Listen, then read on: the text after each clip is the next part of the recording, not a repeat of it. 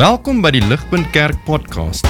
As Ligpunt Gemeente is dit ons begeerte om God te verheerlik deur disippels te wees wat disippels maak en 'n kerk te wees wat kerke plant.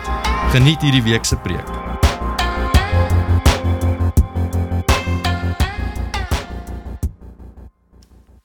Goeiemôre.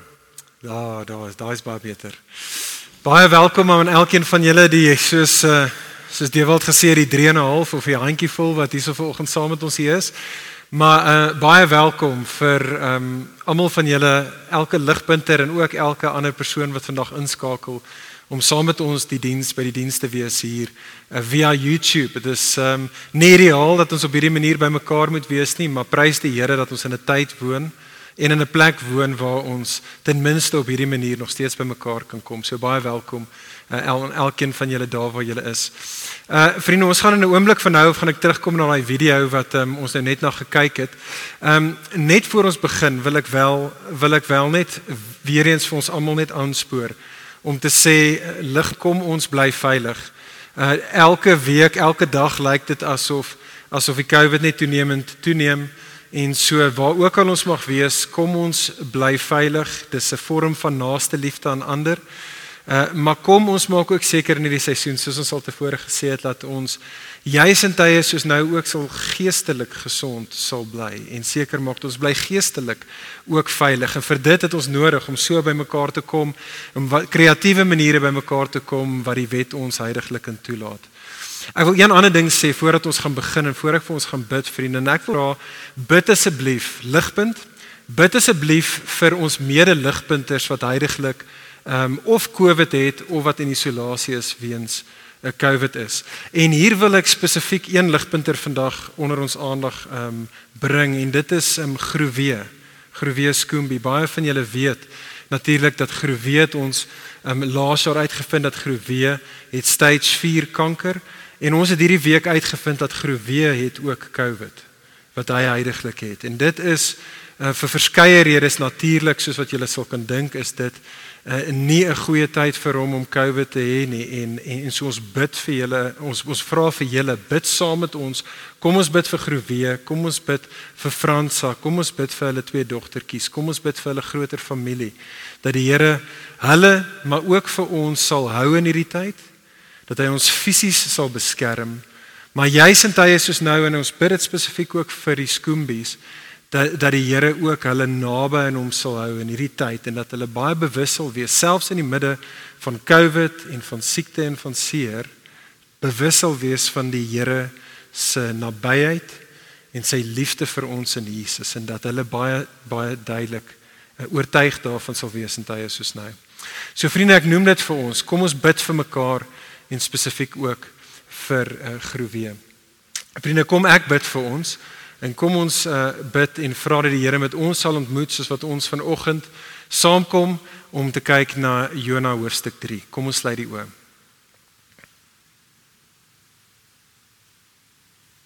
Ja Vader, ons kan net stil raak. Here, en ons kan net kyk na U. Here, ons kyk na U in geloof.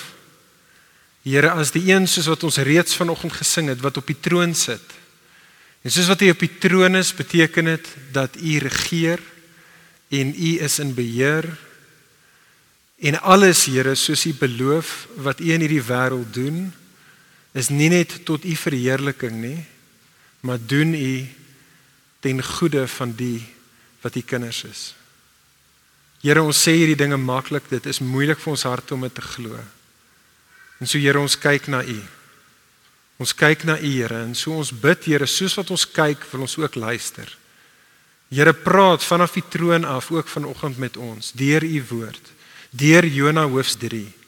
Here kom praat hard en duidelik en sag en sagkens met ons U kinders. Kom bemoedig ons daar waar ons bemoediging kort. Here kom spreek ons aan waar ons nodig het om aangespreek te word. Maar Here kom en vernuwe ons. Kom maak ons meer soos die seun vir sy verheerliking en vir ons voordeel bid ons dit. Amen. Vriende, daai video wat ons uh, sopas na gekyk het, uh was 'n terreuraanval uh wat ISIS uitgevoer het in 2014 in uh Mosul wat een van die noordelike stede is in hedendaagse Irak. En die rede hoekom ons na daai video vanoggend gekyk het is want daardie video hou verband met vandag se teksgedeelte. Jy sien die die stad Mosul is maar net die nuwe naam vir die antieke stad van Ninive.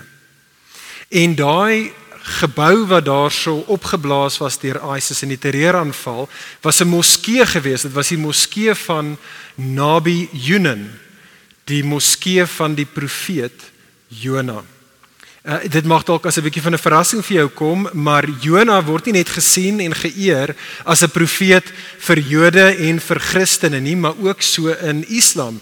Soos wat Islam en spesifiek die stad van Ninive oor die laaste klomp eeue al spesifiek onthou van juis hierdie insident wat ons vandag van gelees het in Jona 3.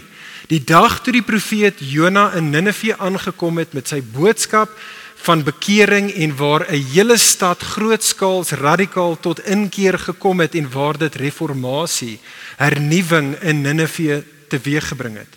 Selfs selfs die moslems vier dit. Maar die terreuraanval wat ons nou net daarna gekyk het wat in 2014 geskied het, eh, praat ook en bevestig op 'n ander manier vir ons iets wat in ons teksgedeelte van vandag was. Uh, dit is nogals ironies, maar wat kyk jy wat ISIS gedoen het is hulle het probeer die moskee opblaas want in hulle kop is daar net te veel lyntjies in 'n in 'n in 'n direkte lyn tussen dit en die Jode en Christendom en so hulle het probeer om dit te vernietig. Maar wat eintlik gebeur het is toe toe hulle die moskee opgeblaas het, het argeoloë daarna onder daardie ehm um, uh, gemors wat daar gelê het, het hulle die mirasies gevind van 'n ou antiek Assiriese paleis. En in 2017 het die argeoloog gevind dat onder daai afgebreekte moskee is daar hierdie paleis en en hier op die skerm behoort julle te sien, hulle het daarso die inskripsies gevind. Hulle het inskripsies gevind van hierdie ou Assiriese koninkryk. En en dit lees as volg. Dit lees en sê this is the palace of Esarhaddon, the strong king, king of the world, king of Assyria. Inderdaad, Esarhaddon vriende lees ons in um in ander inskripsies oor hom lees ons die volgende. Dit sê dat Esarhaddon was the one who treads on the necks of the people of uh, Cilicia. En van hom sê hy self Esar Shaddon sê op ander plekke oor homself hy sê I surrounded and conquered and plundered and demolished and destroyed and burnt with fire 21 of their cities wie ook al hulle was together with small cities and their surrounding areas. Met ander woorde vriende die punt is ons gedeelte van vandag wat ons vir ons gelees was nou net word bevestig van hoe Ninive was soos ons teksgedeelte hier so sê vers 2 en 3 'n great city. Vers 3 'n exceedingly great city. Met ander woorde die Ninive van daardie dag was 'n magtige mense. Hulle was groot en ryk en sterk en hulle was selfstandig geweest en dit bevestig vir ons die woorde van vers 8 in ons gedeelte dat die Ninive van daardie tyd was 'n plek wat bekend was vir hulle evil ways. Hulle was bekend vir hulle violence, vir hulle goddeloosheid, vir hulle gruweldade. En vriende, ek begin hier vanoggend. Ek begin hier want dit wat Jona 3 vir ons hier beskryf. Inderdaad, dit wat die geskiedenis vir ons bevestig is iets wat as ek moet eerlik met julle moet wees wat ek sukkel om te glo. En ek dink ek is nie die enigste een wat sukkel om dit te glo nie. Die idee van 'n groot en 'n magtige, 'n goddelose mense wat hoor dat hulle moet bekeer en die knie buig voor die ware God en hulle doen dit. My hart sukkel om dit te glo en ek dink ons almal se harte sukkel om dit te glo. Vra jouself dit af. Dink jy regtig, nie teoreties nê? Nee, Dink jy regtig, vriend vriendin, dat dit is moontlik dat ek en jy môre kan wakker word of oor 'n week van nou af kan wakker word en ons hoor dat die einste ISIS het radikaal tot bekering gekom en dat hulle nou soos een man almal die naam van Jesus bely. Dink jy regtig, nie teoreties nie, dat die goddelose sekulêre westerse wêreld van ons dag, die die Hollywoods van ons wêreld, dat ek en jy oor 'n maand van nou af kan wakker word. En ten spyte van al hulle ideologieë en van al hulle agendas en hulle materialistiese welvaart, dat ons hoor dat die hele Hollywood bely die naam van Jesus en besluit om hulle lewens te gee vir sy koninkryk. Trek dit 'n klein bietjie nader aan jou en my. Vriend, vriendin, wees eerlik met jouself. Glo jy regtig dat daardie familielid van jou met sy of haar harde hart of daardie vriend van jou met sy of haar slim ateïstiese antwoorde en oortuigings of daardie werkskollega van jou met sy of met haar goddelose leefstyl glo ons regtig vriende dat hulle tot inkeer kan kom en genuine daadwerklike disippels van Jesus kan raak. Jy sien ek dink die een van die groot redes hoekom ons nie opstaan en gaan na die Ninevehs van ons wêreld toe nie is omdat as ons moet eerlik wees dink ons dat daar 'n sekere mense vir wie bekering net nie moontlik is nie. Ons dink dat daar sekere mense soos die Engelsman sal sê Hulle is 'n lost case. Daar sekerre mense wat ons dink soos die Engelsman sal sê is beyond redemption. En vriende, dit is vir mense soos ons in tye soos dit wat nie seker is of bekering vir ander moontlik is nie wat nodig het om Jona 3 te hoor. Dit is waaroor die boek uh, die die hoofstuk Jona 3 gaan. Is een van die maniere vriende wat ek en jy kan sin maak van die boek van Jona is om na die boek van Jona te kyk aan die hand van die verskeie wonderwerke wat God in hierdie boek doen. Vier hoofstukke en in elke hoofstuk sien ons dat God 'n wonderwerk doen. In hoofstuk 1 kom God en wat hy doen is hy stuur bonatuurlik baie vinnige storm en hy is die een wat se muur die storm kan laat bedaar. Hoofstuk hoofstuk 2 sien ons dat God nog 'n wonderwerk doen. Hy stuur 'n vis om vir Jona te red en vir Jona om vir 3 dae in die vis lewend te kan bly. Dis nogal 'n pretty groot wonderwerk. Maar vriende, weet julle wat? Dit is eintlik Jona hoofstuk 3. Wat eintlik die grootste en verseker die belangrikste wonderwerk in die boek van Jona is. Dit is die wonderwerk van hierdie magtige en goddelose mense van Ninive wat tot 'n radikale grootskale skaalse bekering kom. Vriende, dit is die wonderwerk, die ene wat vir ons amper so klein bietjie ons mislees, is eintlik die groot en die belangrikste ene. En dit is waaroor Jona 3 vandag gaan.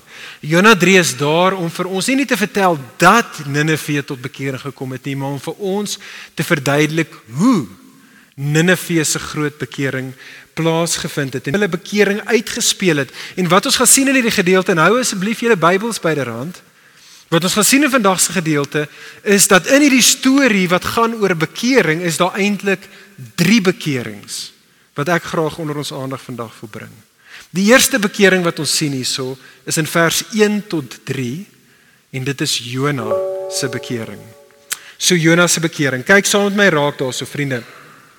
Jona 3 vers 1 tot 3 is amper 'n copy en 'n paste van Jona hoofstuk 1 vers 1 tot 3. sien saam met my raak op die skerm en en moet dit nie mis nie, dis amper presies dieselfde woorde en daar waar die klein verskilletjies is, is dit regtig bitter belangrik vir ons. So ek lees vir ons hoofstuk 1 vers 1 tot 3.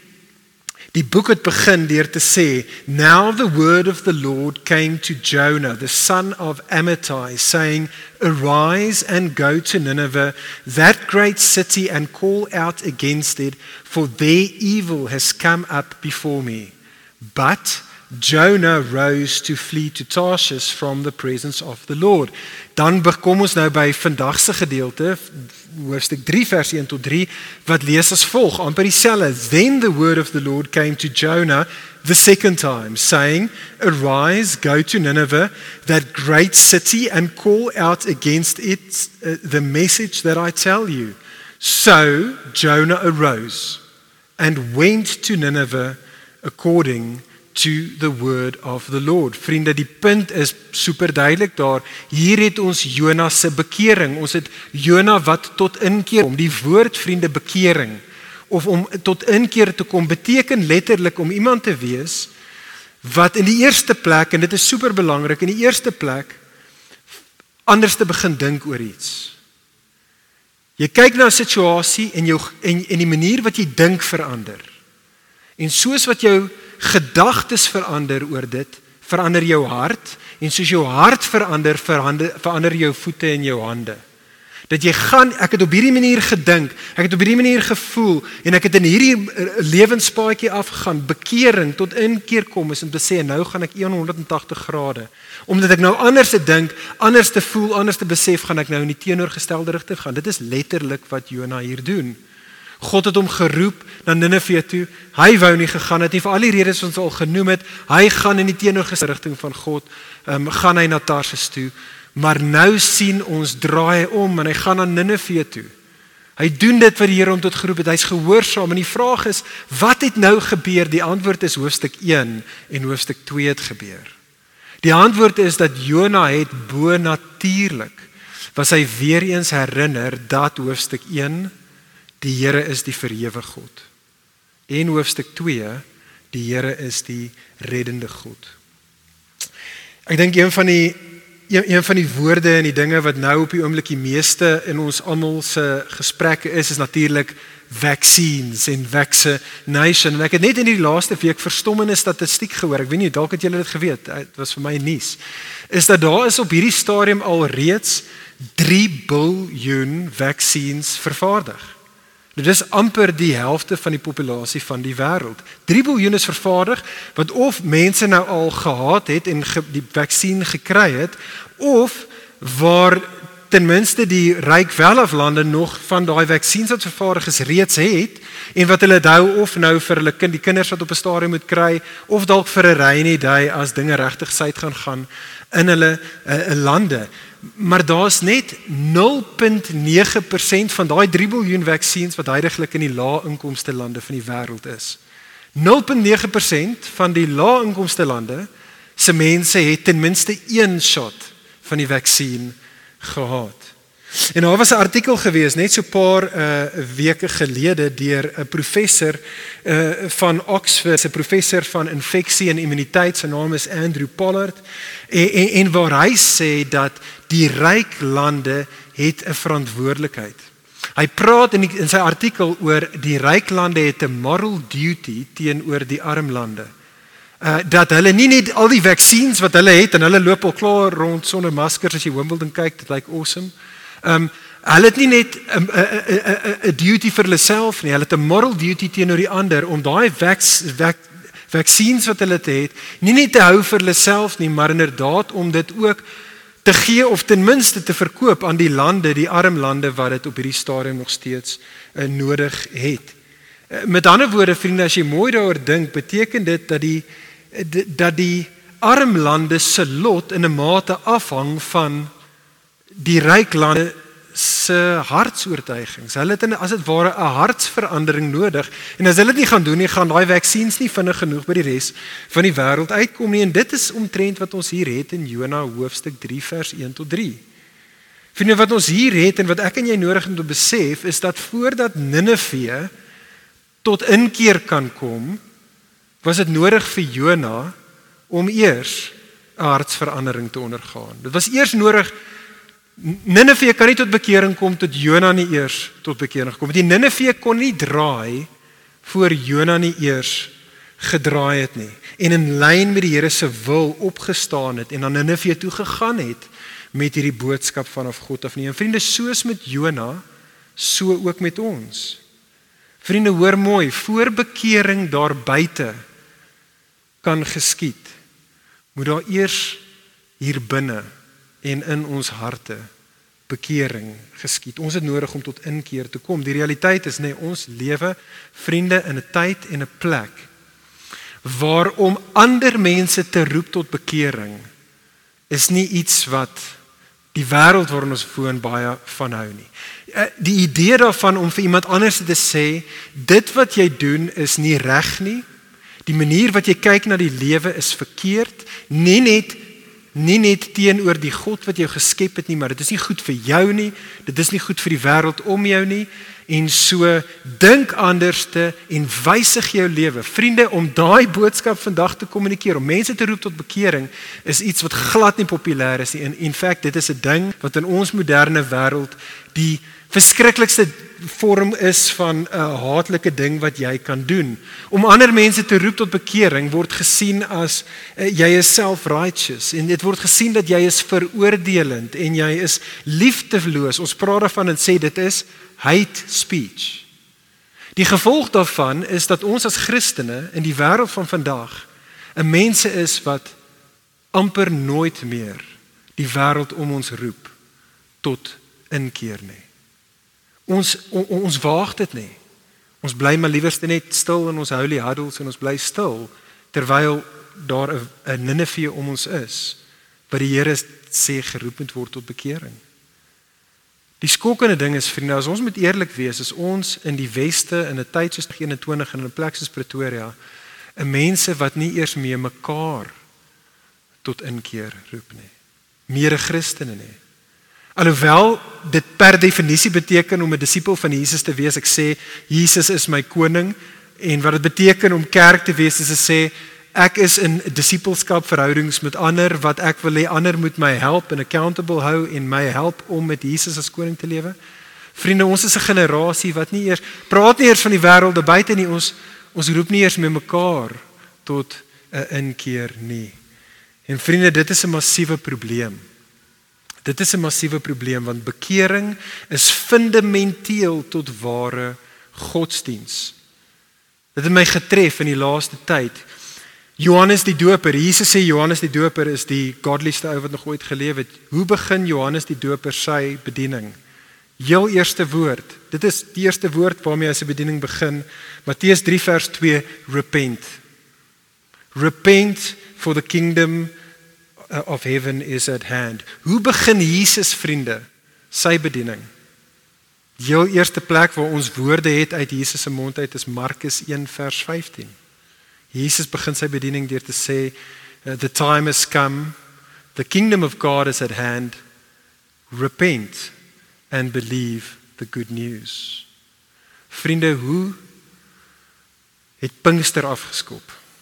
Handelinge 2 toe die gees uitgestort is oor die kerk, die ontstaan in die begin van die kerk, die apostels, Petrus gee sy heel eerste preek en hy verkondig die evangelie en die mense vra vir Petrus, "Wat moet ons doen?" Vriende, die heel eerste opdrag uit die lippe van die apostels aan ons is repent. Repent and be baptized every one of you for the forgiveness of your sins. En vriende, ek sê weer, hoor asseblief mooi. Hoor mooi, vriende, voor die Ninefees van ons wêreld tot inkeer gaan kom, het ons eers nodig om tot inkeer te kom. Ons het nodig om tot inkeer te kom oor die feit dat ons nie ander roep ooit of genoegsaam om tot inkeer te kom nie. Vriende, ons het nodig om te besef dat die evangelie wat ek en jy mee gestuur word, moenie net verkondig word aan die wat ons dink waar ons dink bekering moontlik is nie.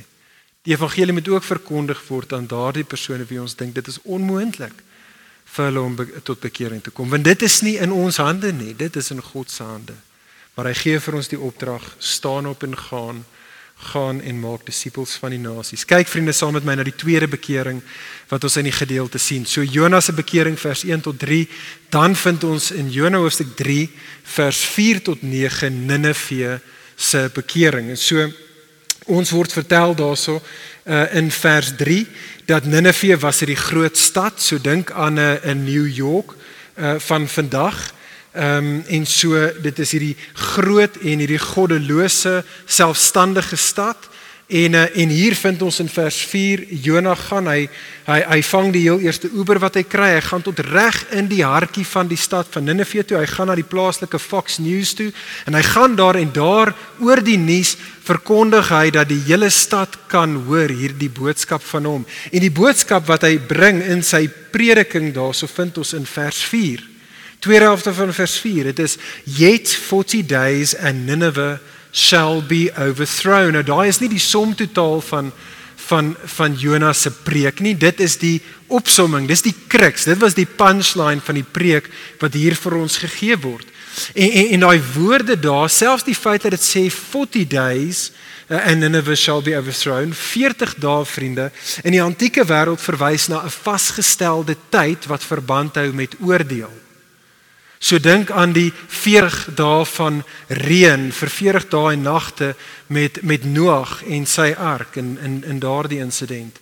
Dink aan die 40 jaar waar Israel weens hulle sonde in die woestyn moes wees. Dink aan die 40 dae wat Goliat vir die Israeliete bespot het voordat hy uh, teen Dawid te staan gekom het. En en, en die woordjie daar vriende, yet 40 days and Nineveh shall be overthrown. Daai woordjie vir overthrow is presies dieselfde woord in die Ou Testament wat byvoorbeeld in die storie van Sodom en Gomorra gebruik word om te praat van hoe Sodom en Gomorra vernietig was of verwoes was. Dis presies dieselfde woord en betekenis hier. Met ander woorde wat wat wat Jona doen vriende in sy prediking hier is hy sê vir Ninive, hy sê Ninive, julle is 'n goddelose mense, 'n mense wat nie in verhouding met die ware God wandel nie. En julle is 'n liefdevolle, 'n liefdelose mense, 'n goddelose mense horisontaal wat ander mense doodmaak en vermoor en uitbuit en besteel en en so ook mekaar. En vir daardie rede Ninive staan julle onder die oordeel van God. Julle verdien God se oordeel. Daar's niks wat julle kan doen om julleself te red nie. En oordeel is in 40 dae op pad. Die vraag is hoe die Ninive te gereageer. Wat kyk ons saam in vers 5. Vers 5 lees and the people of Nineveh believed God. They called for a fast and put on sackcloth from the greatest of them to the least of them. Kyk saam met daarso vers 6 tot 9. Vers 6 tot 9 vriende is nie uh volg nie kronologies op vers 5 nie. Vers 6 tot 9 is soos die double klik op vers 5. Vers 6 tot 9 vertel vir ons hoe vers 5 plaas gevind het en dit het te doen alles met die koning van Nineve. Vers 6: Die koning het daai aand ook vir sy TV gesit en toe toe toe toe Jona die die die nuusberig gehijack het. Hy die preek gehoor. Hy was diep in sy hart gesny en sê die teks vir ons het Jona van ag nie Jona nie, het die koning van sy troon afgeklim. En die koning het gegaan en hy het sy koningsklere uitgetrek. En die koning het gegaan en hy het letterlik sê dit in sak en as gaan sit. Om in sak en as te sit was 'n antieke gebruik gewees om te kommunikeer. Ek is iemand wat berou het oor iets hier in hierdie konteks oor my sonde en ek is iemand wat dit bely aan ander daar buite ook bely is dat um, ek ek staan skuldig weens my sonde en ek het berou daaroor uh, en ek bely my skuld.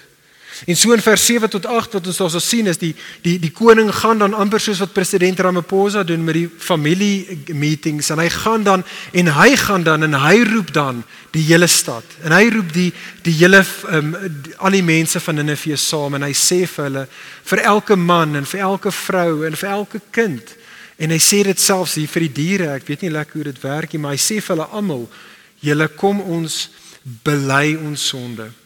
Kom ons hê berou oor dit wat vir ons uitgewys is.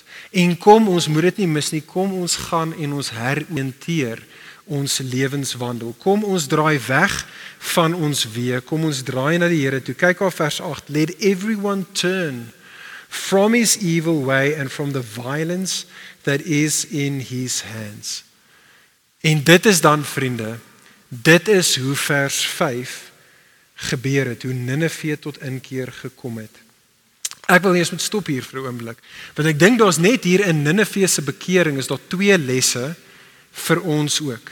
Die eerste les is vir die van ons wat dalk nog nie Christene is nie, wat nog nie tot bekering gekom het nie. Jy sien, dalk sit jy vandag hierso of dalk luister jy vandag in hierso saam met ons en en jy is nog nie 'n Christen nie. En, en, en dan wil ek vir jou sê, ek dink een van die redes hoekom ons so baie kere nie daarvan hou as ander ons roep tot bekering nie, is juis eintlik want in ons harte hou ons nie die van die idee van 'n God wat ons moet oordeel nie. Ons is nie mense wat hou van die idee van 'n God punt 1 nie, maar verseker nie 'n God wat oordeel nie. Maar ek wil vir jou vra indien dit jy is om nog 'n klein bietjie dieper in jou hart vir 'n oomblik net uh in te kyk. Want julle sien vriende, ek dink as ons mooi daaroor dink, is 'n God wat ongeregtigheid straf, presies wat ons harte eintlik begeer. Jy sien ons almal het in die laaste week die die nuus gehoor dat oud-president Zuma skuldig bevind is en nou vir 15 maande, ten minste vir 15 maande vir nou gaan tronk toe gaan. En ek dink dat meeste van ons toe ons het gehoor het, is 'n klein bietjie van 'n fistpump gegee. Die meeste van ons het gesê dis reg so. Justice. Want julle sien diep in ons harte, almal van ons weet ons dat daar seker dinge in die lewe wat reg is. Daar's seker dinge wat verkeerd is en ons almal smag na reg en geregtigheid om te geskied. Ons almal smag dat die Mugabes van hierdie wêreld en die Hitlers van hierdie wêreld aanspreeklik gehou moet word vir hulle gruweldade. Ons almal smag dat daar 'n God sal wees wat, vir vroue slaaners en verkragters en kindermishandelaars hulle verdiende loon sal gee. Maar die vraag wat ons onsself moet afvra vriende is waar wil jy hê moet so 'n God die lyn trek? Watter sondes dink jy moet daardie God wat 'n God is wat verkeerdhede aanspreek en wat sonde straf, waar wil jy watter sondes dink jy moet hy oorsien? En en watter sondaars moet hy oor die hoof sien? Vriende, dit is hier waar ek en jy nodig het om onsself te herinner aan die woorde van die Bybel van kyk saam met my op die skerm van Romeine 3. Eh, Romeine 3 kom Paulus en hy sê soos 'n dokter aan 'n pasiënt daardie nuus wat die wat die persoon nie wil hoor nie, maar wat nodig is om gehoor te word. Paulus sê vir ons Romeine 3 vers 10 No one is righteous, not even one. Romeine 3 vers 12 all have turned aside. Together they have become worthless. No one does good not even one. Romeine 3 vers 23 all have sinned and fall short of the glory of God. Vriende, hierdie is die rede hoekom dit nie net die God van die Ou Testament is wat die Bybel vir ons sê 'n God is wat oordeel nie, maar hoekom Hebreërs 12 ons sê our God is a consuming fire. Dit is hoekom Jesus vriende. Jesus die die persoon in die Nuwe Testament is wat die meeste mense gewaarsku het oor die realiteit van God se komende oordeel en gewaarsku het oor die aaklige realiteit van die hel. Die vraag is wat moet ons doen as ons hoor dat almal van ons in en van onsself, almal van ons verdien God se oordeel? Wel Jona 3 nooi ons uit en sê vir ons wie ook al jy mag wees, bekeer. Bekeer. En in die prentjie taal vriende van Jona 3, hierdie is wat bekering behels. Vriende, bekering behels in die eerste plek. Kyk daar in vers 5. Bekering behels om God te glo. Met ander woorde, bekering begin deur iemand te wees wat God op sy woord vat. Om vir God te glo wat hy oor homself sê dat hy is die enigste ware God, daar's geen ander God nie. Inderdaad, hy is 'n heilige God wat sonde haat en hy's 'n regverdige God wat sonde straf. Dit bekering begin daar waar ons God glo ook oor wat hy sê oor ons dat ons is soos Romeine 3 'n mense wat kort skiet van sy heerlikheid almal van ons het gesondig en elkeen van ons het maak nie saak wie jy is en hoe oulik jy is en hoe godsdienstig jy is nie elkeen van ons verdien sy oordeel. Dit is om God te glo as hy dit sê. En bekering vriende begin vir ons om dan ook te besef dat daar is redding vir ons beskikbaar. As 'n manier wat ons God se oordeel kan vryspring. En om dan vriende kyk sommer daar in vers 5 tot 8. Dit is dan wat hoe bekering lyk, sê die storie vir ons. Dit is vir ons om te maak soos hierdie koning en van ons spreekwoordelike troon af te klim, ons spreekwoordelike koningsklere uit te trek, met ander woorde om op daai punt in jou lewe te kom waar jy sê, Here, ek erken en ek bely en ek erken en bely dit en ander om my ook, ek is nie die baas nie, ek is nie die koning nie. Here, U is die koning en so um, ek erken U as die koning. Eh, bekering behels hier daar volgens die storie om berou te hê oor ons sonde, nie net teenoor God nie, maar ook so teenoor ander, om vergifnis te pleit en let wel, nie net vir vergifnis te vra by wyse van uh, aan God nie, en, en nie net om berou te hê bloot met lippetaal nie, maar sien jy daarso ook in lewenswandel om weg te draai van ou wee en te draai na die nuwe wee. Dit beteken nie dat dat jou lewenswandel is die ding wat maak dat jy die oordeel vryspring nie. Nee, dit is uitroep, uitroep tot die genade van daardie God, van die ware God. Dit is hoe ons die oordeel vryspring. Maar werklike berou word gesien, soos Johannes die Doper vir ons sê, in vrug van bekering. Maar vriende, hier's 'n les hierso vir ons wat Christene is, wat Ninive se bekering ook ons kommunikeer, wat ek dink ons baie keer so bietjie kan mis en wat my baie hierdie week getref het.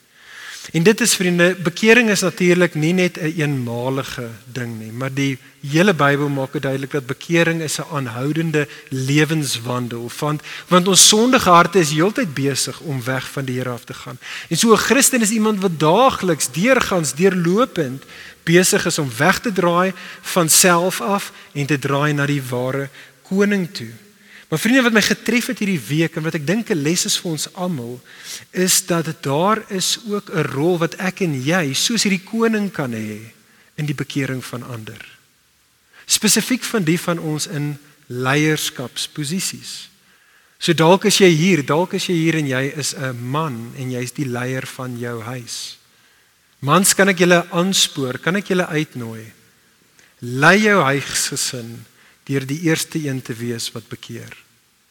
Lei jou vrou en lei jou kinders daar waar jy of julle droog maak. Lei hulle deur te sê kom ons bekeer. Kom ons draai na die Here toe. Kom ons sê vir hom jammer. Kom ons draai weg. Kom ons klou vas aan hom. Dieselfde geld natuurlik ook vir vrouens, vir ma's wat ook leiers is oor hulle kinders. Vriende, dieselfde geld vir ons in die konteks van ons werk. Baie van ons is bevoordeel dat jy is 'n leier in jou maatskappy of in jou span. Vriende, ons het beide die verantwoordelikheid en die voorreg om mense onder ons te lei in bekering. Daar waar jy droog maak, daar waar jy dalk droog gemaak het, lei ander deur te begin deur te lei met bekering. En vriende, dieselfde geld vir ons as 'n kerk dit geld ook in hierdie sfeer van leierskap. Dalk as jy 'n leier van 'n ligpunt gesin, ligpunt gesin leier, kan ek jou uitnooi. Lei jou ligpunt gesin in bekering. Wees die eerste ene wat sê ek het gesondig teer die Here. Ek het vergifnis nodig. Ek kyk na hom. Kom julle saam met my.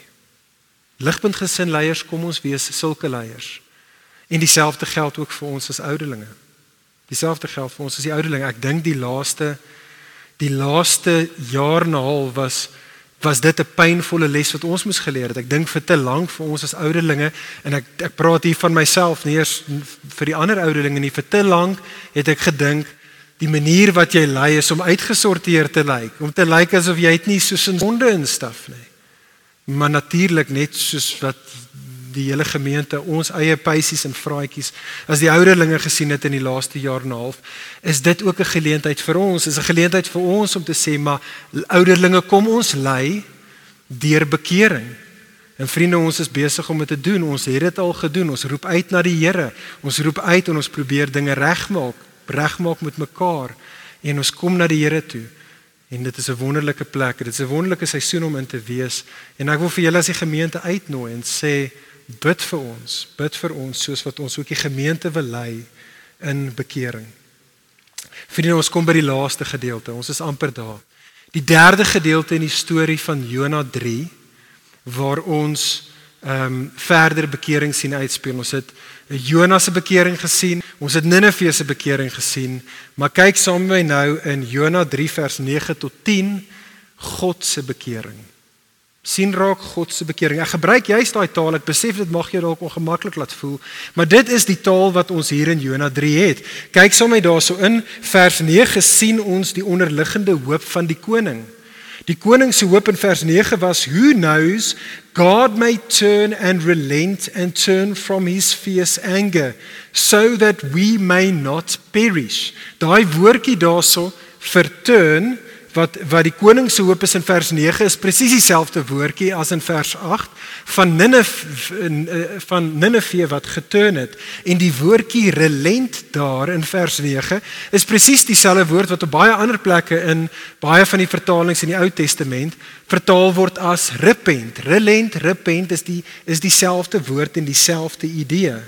En dit is dan vriende presies wat ons hierso sien in vers 10 kyk saam met daar in vers 10 Uh, die uh, ons word vertel daar dat when God saw what Nineveh did how they turned from their evil way God relented of the disaster that he had said he would do to them and he did not do it. Met ander woorde God hierso draai weg. God draai nie weg van sonde wat hy gehad het nie, maar God draai nog steeds weg. Hy draai 180 grade om van hierdie postuur wat hy teenoor hulle gehad het van oordeel en hy draai nou weg van dit af na hulle toe en vriende, net soos wat God daar gedoen het, toe vriende, God is dieselfde gister, vandag en môre. Net so is God ook nog vandag. Vriende, die ware God is 'n God wie se hart gretig is. Die ware God is 'n God wie se postuur vinnig is om die wat in bekering na hom toe draai te vergewe en hulle met hom te versoen. O besef dit tog vriende. Die ware God is nie net 'n God wat bekering vereis nie. Hy's 'n God wat bekering verwelkom. En so wie ook al jy mag wees vandag, waar ook al jy mag wees, wat ook al in jou lewe aangaan, wat ook al dit is wat jy in die verlede gedoen het of in die hede nog steeds mee besig is. En hoe afskuwelik dit mag wees.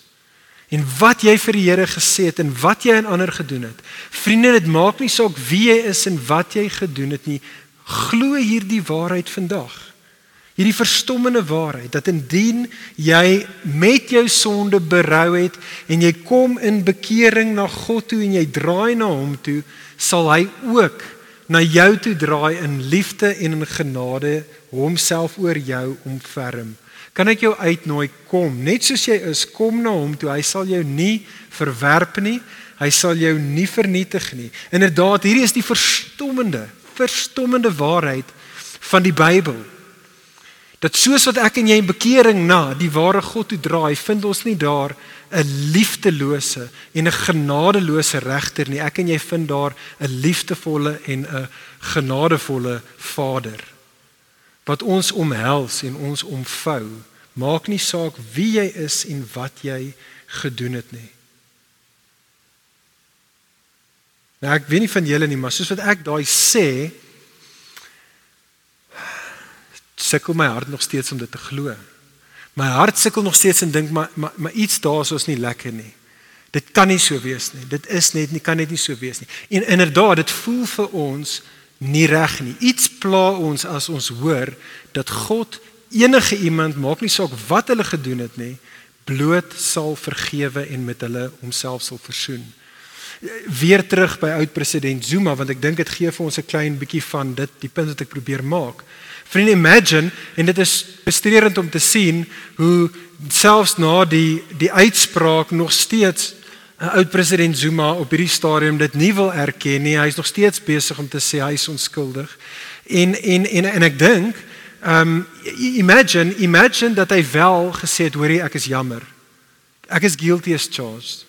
Ek was skuldig geweest en ek vra vir die hele land en vir die howe om vergifnis daarvoor en ek beloof ek sal nooit ooit weer met 'n Gupta praat nie en ek gaan nooit ooit ooit weer gaan ek gaan ek ehm um, korrup wees nie.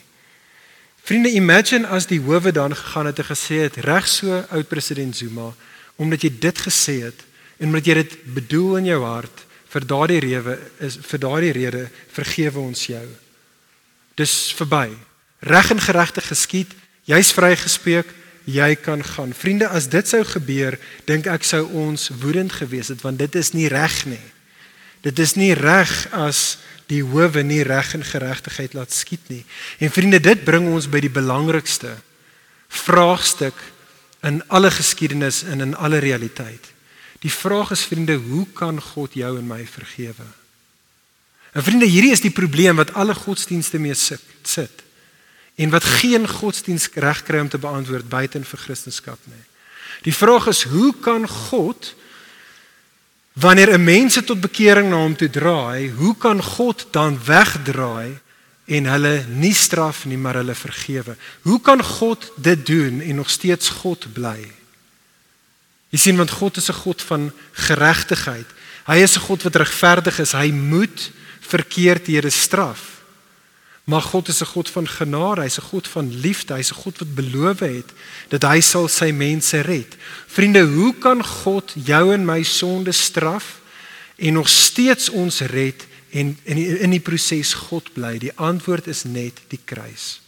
Die kruis is die een plek in wêreldgeskiedenis, vriende, waar God dit reg gekry het om beide regverdig te wees en genadig ter gelyke tyd te kan wees. Die kruis is die plek in die taal van die storie waar die ware koning van sy troon afgeklim het, waar die ware koning sy koningsklere uitgetrek het, waar hy homself verneder het selfs tot op die punt van die kruis. En daar op die kruis het die ware koning gesterf nie omdat hy sonde gehad het nie, maar hy het daar gesterf. Hy was nie soos die koning hier een wat saam met die mense sondig en skuldig was nie. Hy was eintlik die onskuldige een. Maar hy gaan in in hulle plek vat hy die straf namens hulle. Soos die koning en die mense hier mis hy nie die oordeel van God nie. Hy drink die volle beker op die kruis van die oordeel van God. En hy doen dit vriende sodat aan die een kant ons sondes vergewe kan word, maar meer belangrik is dit sodat God God kan bly. In die taal van Romeine 3 vers 25 Jesus was die versoeningsoffer sê sê Paulus in Romeine 3 so that God might be just and the justifier of the one who has faith in Jesus. En vriende, dit is die dit is die skandal. Dit is die skandaal van Christendom. Dat God mense soos ons kon vergewe want hy het die straf homself gevat. En so ek wil daarmee afsluit. Ligpunt Ek wil ons uitnooi. Kom, wie ook al jy is, dalk vir die eerste keer, dalk vir die duisendste keer in jou lewe. Kom in die naam van Jesus na hierdie God toe. Draai in geloof en bekering na hom toe met al jou sonde. Kom na hom toe en weet dit soos wat jy na hom toe draai, draai jy na 'n liefdevolle en genade Vader toe wat jou nie sal verwerp of jou nie sal vernietig nie. Hy sal jou omhels en jou omvou en na jou omsien kyk na hom, draai na hom toe, maar laaste uitnodiging ligpunt, soos wat ons kom in die naam van Jesus na God toe, kom ons gaan dan ook in die naam van Jesus na ander toe. Kom ons gaan ligpunt en ons gaan roep ander tot bekering. En ons gaan roep hulle tot bekering want ons weet bekering is moontlik. Dit is God se genade is dis dis moontlik vir hulle om te bekeer En ons gaan na hulle toe want ons weet dit is moontlik. In Jesus is dit moontlik vir God om te bekeer, om weg te draai van van hulle oordeel af en om hulle te omhels en te omvou in sy liefde. Kom ons bid saam.